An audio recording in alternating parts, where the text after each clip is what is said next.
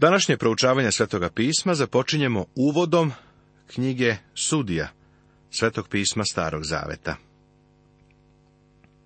Uvod Knjiga o sudijama je ime dobila po 12 muškaraca i jednoj ženi, koji su kao sudije služili u periodu nakon smrti Isusa Navina do vremena Samuila.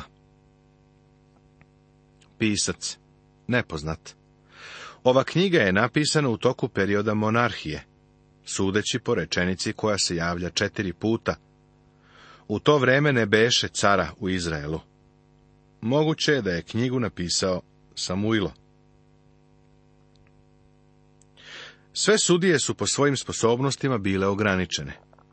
U stvari, izgleda kao da je svako od njih imao neki defekt i hendikep, koji nije predstavljao prepreku, nego je postao prednost pod suverenom Božjom upravom. Niko od njih nije bio nacionalni vođa koji se obraćao celokupnom narodu, kao što su činili Mojsije i Isus Navin. Ovaj zapis nije rađen u kontinuitetu, nego predstavlja zabeleške lokalnog sudije u ograničenom delu naroda. Tema Otpadništvo i divna Božja milost koja obnavlja i ponovno uspostavlja narod. Skofildova referentna Biblija kao temu knjige o sudijama navodi sljedeće poraz i izbavljenje. Ovo je neobično podesan naslov. Međutim, postoji jedan drugi aspekt koji ova knjiga ističe. Razočarenje. Izraelci su ušli u obećenu zemlju sa velikim nadama i bogatim iščekivanjima. Očekivao bi da ovi ljudi koji su izbavljeni iz Egipta, 40 godina vođeni kroz pustinju i uvedeni u zemlju sa takvom demonstracijom Božije sile i voćstva, da oni dakle dosignu visok nivo življenja i pobede u toj zemlji, kao i u svojim životima. To nije bio slučaj. Oni su se bedno pokazali i pretrpeli su jedan za drugim sraman poraz. Cilj Knjiga o sudijama je filozofija istorije. Pravda podiže narod, a greh je sramota narodima. Kažu priče, 14. poglavlje, 34. stih. Pod 1. Istorijski ova knjiga beleži istoriju naroda od smrti Isusa Navina do Samuila, koji je bio posljednji sudija i prvi od proroka. Ona premošćuje jaz između Isusa Navina i doba podizanja monarhije. Posle Isusa Navina nije bilo vođe koji bi preuzeo njegovo mesto, kao što je on došao na mesto Mojsija. Ovo je bilo doba pokušaja i probe teokratije, vladavine Božjeg zakona, nakon ulaska naroda u obećanu zemlju. Drugo, moralno ovo je vreme dubokog propadanja naroda, koji se okrenuo od Boga, nevidljivog vođe, i spustio na nizak nivo koji se ogledao u sledećem. U to vreme ne beše cara u Izraelu, svaki činjaše što mu beše drago. Uporedi knjigu o sudijama prvi stih sa 18. stihom u dvadesetom poglavlju. Ovo bi trebalo da je era sjajnog napretka, ali je u stvari tmurni dan ponovljene greške. Točak izraelske istorije počinje kada narod počne da služi Bogu. Potom narod preduzima korake koji ga vode naniže. U gospodnjim očima činili su ružne stvari, a služili su i valima. Vidi sudije, drugo poglavlje 11. stih. Izneverili su gospoda i služili valu i astaroti. Gnev gospodnje je protiv Izraela bio žestok, pa ih je gospod predao u ruke njihovih neprijatelja. Izrael je ušao u vreme robijanja. Uskoro je u tom žalosnom stanju i nevolji zavapio Bogu. Obratili su se Bogu i pokajali. Bog je čuo njihove molitve i podizao sudije kroz koje su izbavljani.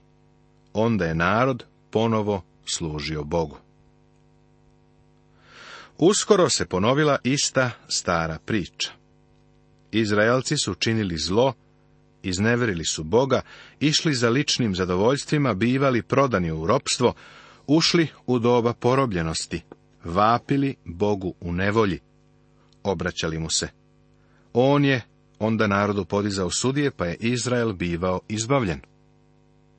Narod je ponovo počinjao da služi Bogu, pa se ponovo našao na vrhu tog kruga. Prijatelju, istorijski točak se stalno ponavljao. Kroz Bibliju ga možemo pratiti, a i danas je u toku.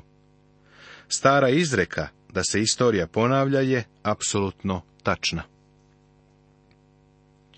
Knjiga proroka Isaije počinje tako što Bog daje filozofiju istorije. Isaija navodi tri koraka koja su prouzrokovala pad naroda.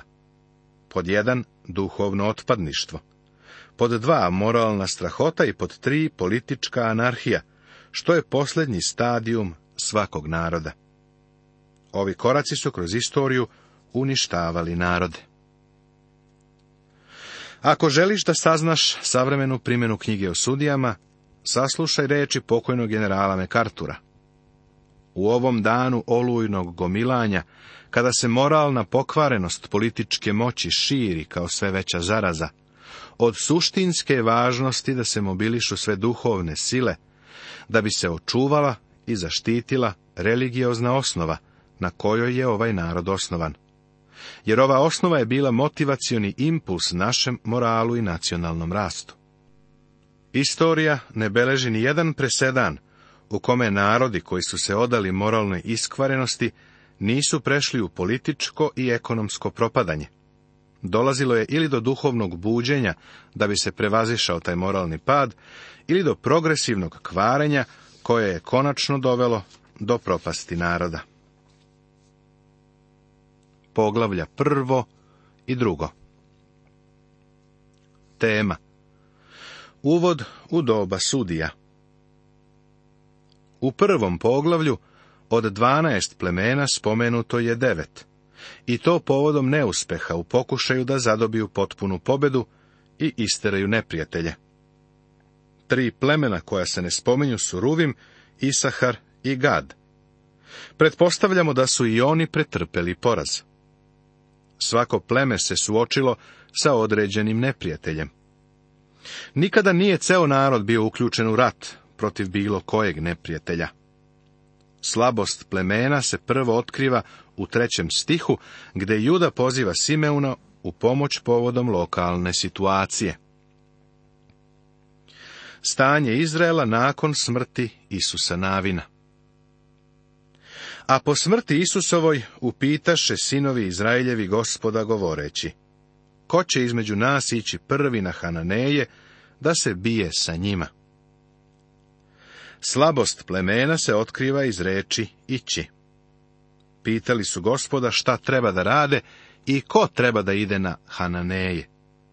Hananeji su bili dobro ukopani u rovove u zemlji, jer Izraelci nisu uspeli da ih isteraju. Bili su trn u telu Izraela za vreme vladavine Saula i Davida. I gospod reče, Juda neka ide, eto, dao sam mu zemlju u ruke. Hananeji su očigledno bili najvažniji neprijatelj.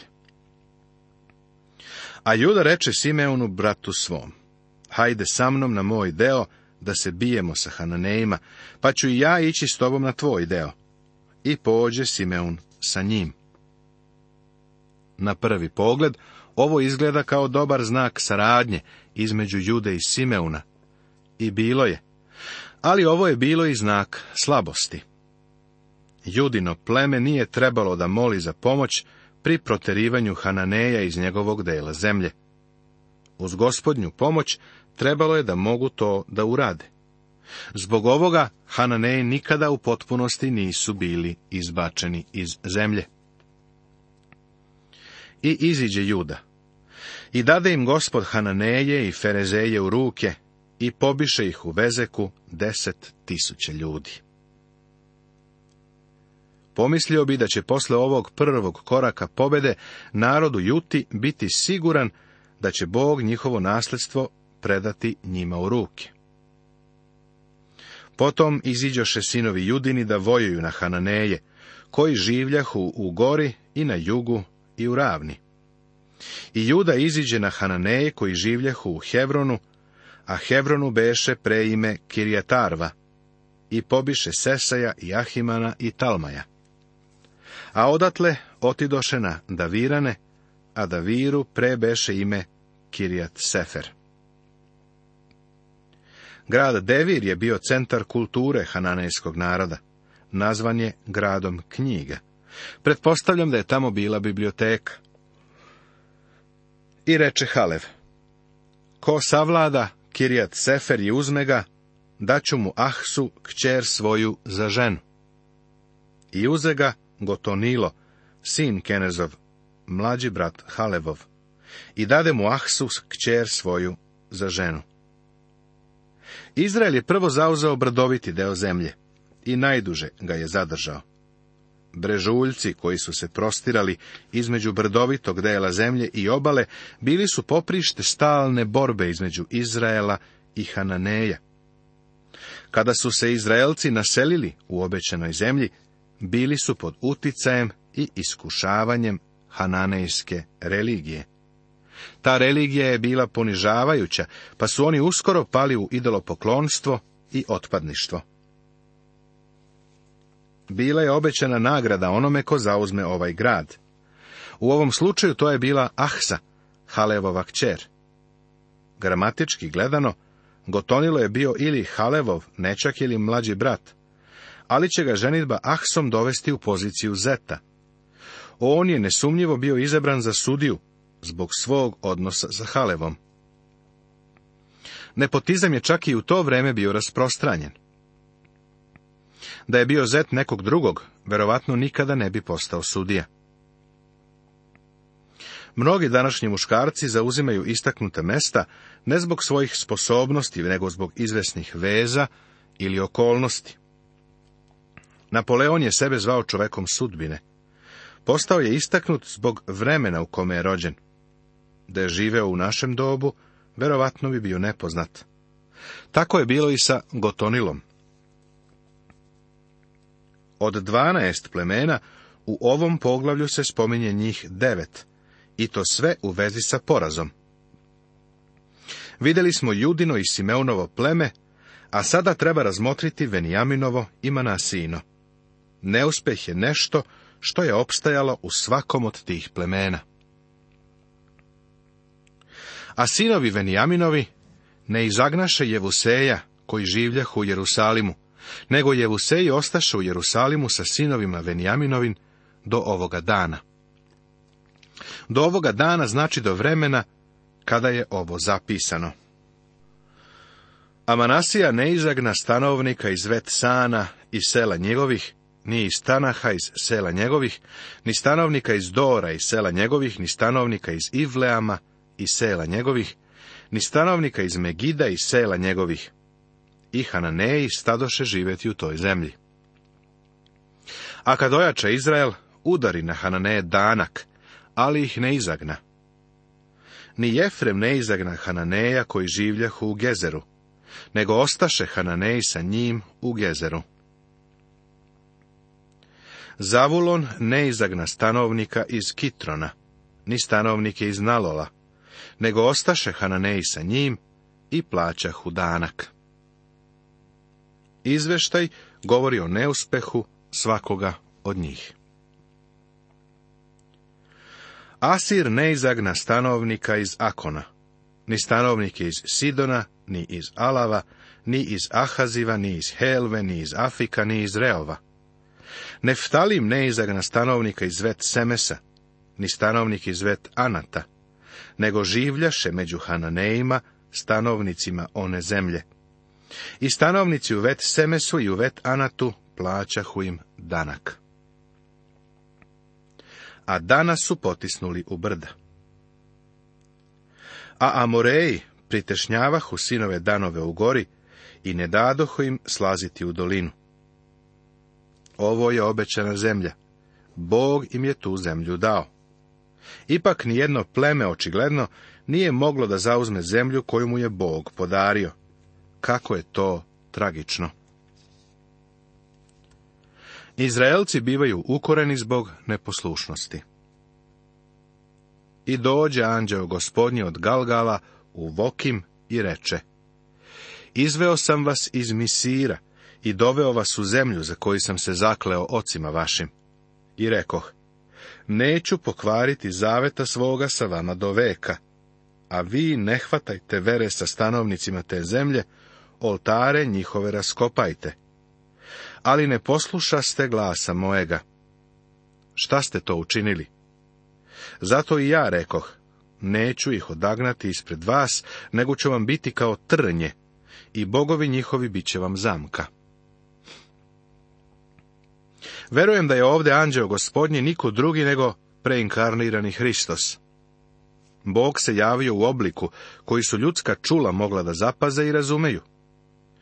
Iako je uvek zadovoljavao potrebe svoga naroda, narod nikada nije bio poslušan njegovom glasu. Ovo je početak istorijskog točka Izraela. Taj naporni krug su stalno ponavljali. Iznevrili bi Boga grešili, bili predavani porobljavanju neprijatelja, vraćali se potom Bogu u pokajanju, bivali izbavljeni pomoću sudija koje je Bog birao i vraćali se poslušnosti gospodu. Bog podiže sudije. Tako im gospod podizaše sudije, koji ih izbavljahu iz ruku onih što ih plenjahu. Svaki put kada je narod bio na dnu, Bog je podizao novog sudiju da ih izbavi. Poglavlje treće. Tema. Prvo i drugo otpadništvo. Kroz sudije Gotonila, Aoda i Samegara, Bog Izraelce izbavlja od ropstva. Izraelci su stupali u mešovite brakove sa Hananejima, Amorejima, Hetejima, Ferezejima, Jevejima i Jevusejima, među kojima su i živeli. Izrael je činio zlo, zaboravio je Boga i služio je valima. Zato ih je Bog predao u ropstvo. Onda je podignut Gotonil, prvi sudija da ih izbavi. Izgleda da je njegova jedina kvalifikacija bila to što je bio Halevov nečak i što je oženio njegovu kćer. A od drugi sudija je bio podignut da bi Izrael oslobodio ropstva pod Eglonom, Moavskim carem. Njegova kvalifikacija je bila to što je bio levoruk, što mu je omogućilo da stupi u prisustvo cara, a da se ne otkrije mač, odnosno bodež, koji je sakrio. Samegar je bio treći sudija i bio je stručnjak za ostan, štap za teranje volova. Tu alatku je upotrebio kao oružje u ratu protiv Filisteja, da bi izbavio Izrael. Sve sudije su imale neki nedostatak, neku neobičnu osobenost ili hendikep koji je Bog upotrebio. Sudije nam otkrivaju da Bog može da upotrebi svakog čoveka koji je spreman da bude upotrebljen. Izraelsko idolopoklonstvo dovodi do ropstva. A ovo su narodi koje ostavi gospod da njima kuša Izrael, sve one koji ne znahu za ratove Hananske, da bi barem natražje sinova Izraeljevih znalo i razumelo šta je rat, barem oni koji od pre nisu znali. Pet kneževina filistejskih i svi Hananeji i Sidonci i Jeveji, koji življahu na gori Livanu od gore Val Ermona do Emata. Ovdje vidimo da su Izraelci sklapali brakove sa Hetejima, Amorejima, Hananejima, Ferezejima, Jevejima i Jevusejima. Takve brakove su sklapali u okviru svih plemena, iako je Bog to strogo zabranio. Pet filistejskih gospodara, kao i druga plemena koja su spomenuta u ovom odeljku, bili su neprijatelji Izraelaca – dok dalje budemo išli kroz Stari Zavet, ovi neprijatelji će se stalno pojavljivati. Oni su zaista bili trn u telu izraelskog naroda. I življahu sinovi Izraeljevi usred Hananeja i Heteja i Amoreja i Ferezeja i Jeveja i Jevuseja. I ženjahu se kćerima njegovim i udavahu kćeri svoje za sinove njihove i služahu bogovima njihovim. I činjahu sinovi Izraeljevi što je zlo pred gospodom. I zaboraviše gospoda Boga svoga i služahu valima i lugovima.